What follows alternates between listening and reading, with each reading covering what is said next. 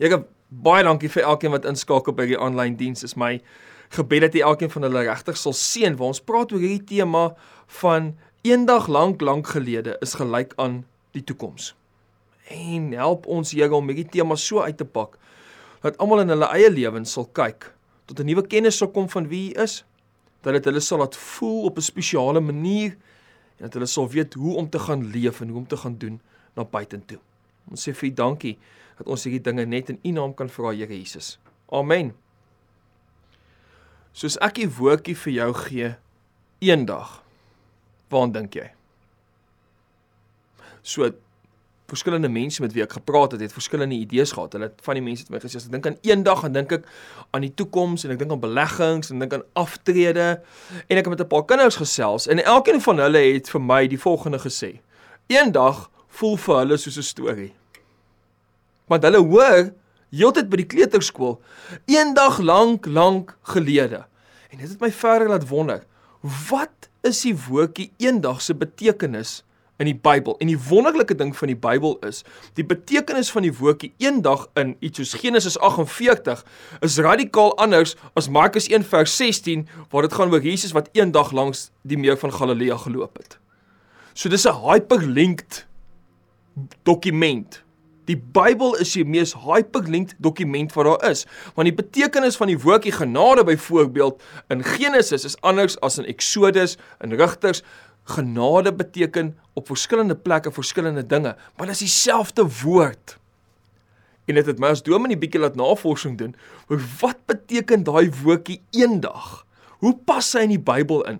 En kan dit iets vir ons sê oor die toekoms en hoe ons as kerk sonder mure onsself kan posisioneer vir die toekoms en hoe as jy as 'n gemeentelid en iemand wat hierdie video kyk, jouself kan posisioneer om God in jou lewe te vind? Hoe dink jy vandag oor daai een woordjie? Eendag. Ek het 'n paar voorbeelde uit die Bybel uitgekry. Die eerste een wat ek kon kry was uit Markus 4 vers 3 tot 5 en die 1983 vertaling praat nie van eendag nie, maar die 2020 vertaling praat van eendag. Maar die idee van iets wat op pad is word hier gedeel. Jesus is aan die boot en dan sê hy: "Luister hier. 'n Saaier het eendag gaan saai." En ons sien gereeld dat Jesus hierdie gelykenisse het. Eendag lank lank gelede was daar 'n saaier. Die eerste plek waar ons die woord eendag gebruik is om 'n storie te vertel. Die woord eendag kan ons wegvoer na 'n wêreld toe wat pragtig is.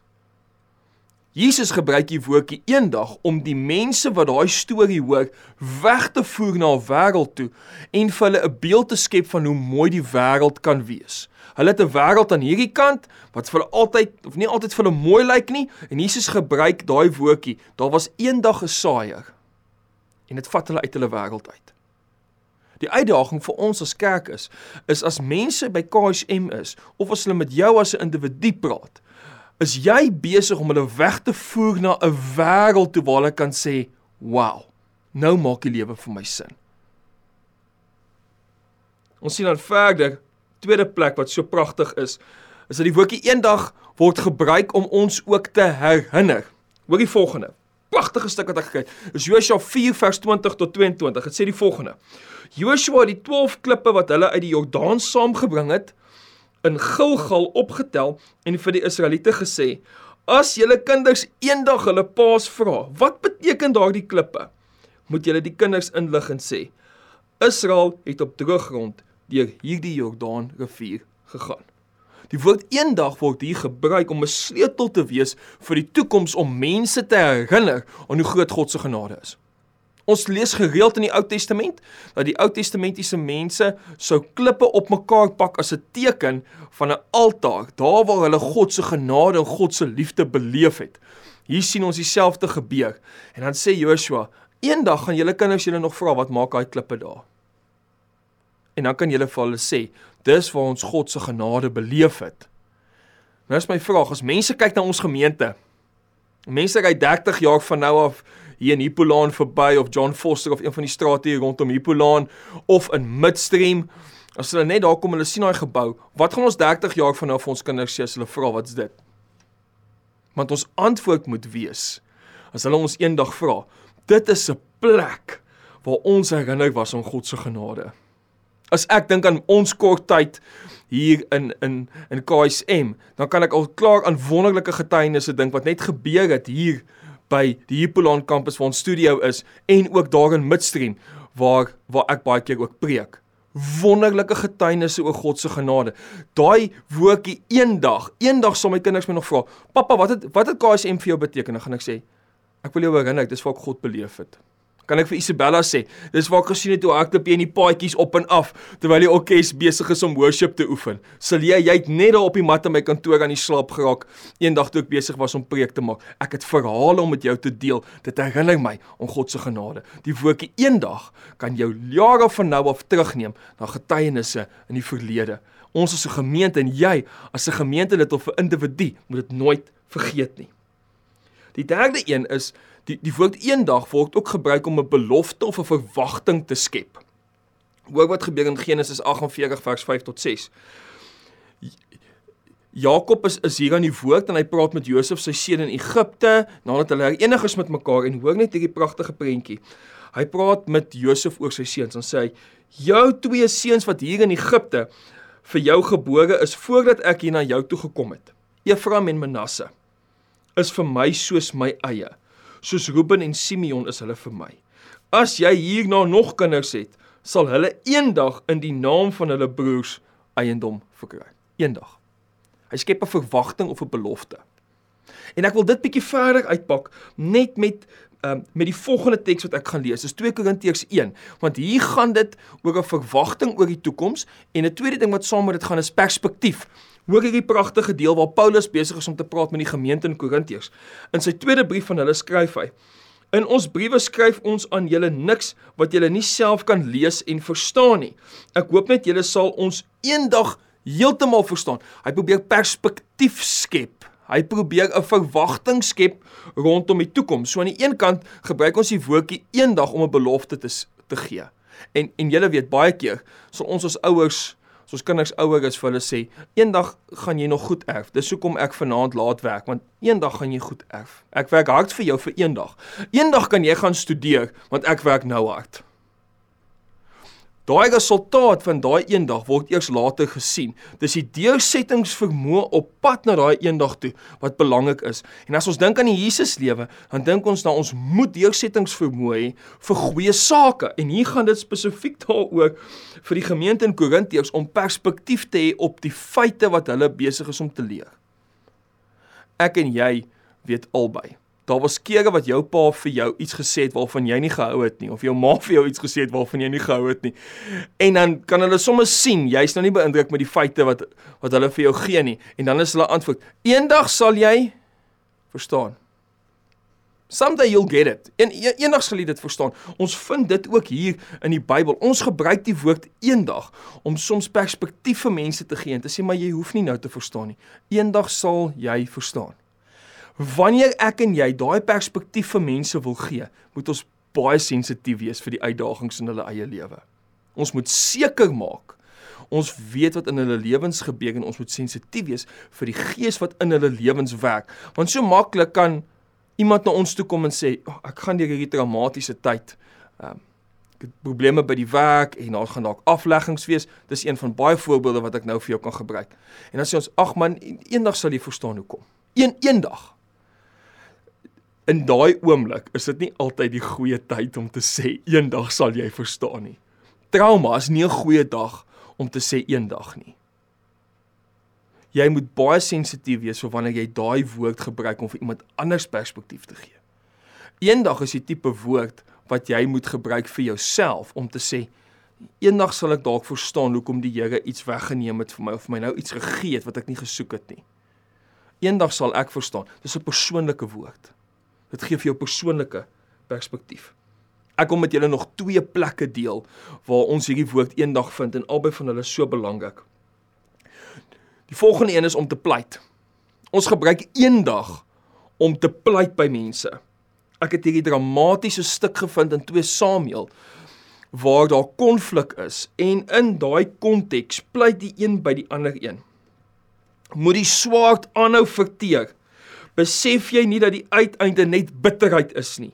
Wanneer gaan jy eendag die manskappe beveel om nie meer hulle broers te agtervolg nie? Wanneer gaan jy eendag verstaan en en op 'n manier wat ons net nou gelees het van Paulus is Paulus is nie besig om te pleit nie. Hy's besig om te sê julle is in verhouding met Jesus Christus. Daarom wil ek vir julle sê julle gaan nie nou al alles verstaan nie. Julle gaan nog perspektief kry. En en ek weet as 'n gelowige kry ons heeltyd nuwe perspektiewe op God se unieke reis met ons elkeen. Maar hier gaan dit oor pleit. Hier gaan dit oor pleit. Wanneer gaan jy eendag tot die besef kom dat jy op die verkeerde pad is? Wanneer gaan jy eendag tot die besef kom dat om onvergewensgesindheid te hê help nie? Wanneer gaan jy eendag tot die besef kom dat jou drankmisbruik of wat ook al is besig om jou lewe te ruïneer? Wanneer gaan jy dit eendag besluit? Miskien is jy iemand wat met radikale uitdagings sit en jy het al gehoor dat iemand vir jou sê: "Wanneer gaan jy eendag verstaan?" Dan wil ek vir jou sê, by Jesus Christus is daar genade. Dat jou eendag wat dalk nou vir jou 'n uitdaging, 'n struggle is, is iemand anders se gebed vir jou. En jy kan enige tyd na die Here toe kom. Daar's genade en liefde in Jesus Christus vir jou. As jy sê wanneer gaan ek tog eendag besef dat hierdie dobbel nie werk nie, dan kan jy sê ek weet by die Here is daar genade. En vir ons as 'n gemeente julle, is dit so belangrik dat wanneer ons sien dat ander mense pleit vir iemand in hulle lewe waar die eendag nie 'n goeie konteks het nie, dat ons hulle sal ondersteun in daai taak. Ons sal sê maar ek sal saam met jou bid vir hierdie persoon. Ek sal alles in my vermoë doen om te sien dat Jesus Christus deurbreek in daardie persoon se lewe. Sodat hulle kan sê, jy weet eendag, lank lank gelede, was ek iemand wat radikale uitdagings gehad het. Maar daar was 'n gemeente en daar was lidmate wat na my toe gekom het en gesê: "Eendag het ek vir Jesus ontmoet. Eendag het Jesus my lewe verander. Eendag is vir jou 'n spesiale dag nou." Die 6ste plek waarmee ek met jou wil gesels is die laaste een ook. Is die woordjie eendag help ons om Jesus lewe te leef. Dit doen. Hoor wat staan in Markus 1 vers 16 tot 17. Eendag toe Jesus langs die see van Galilea loop, het hy vir Simon en Simon se broer Andreas gesien waar hulle besig was om werpnette in die see uit te gooi.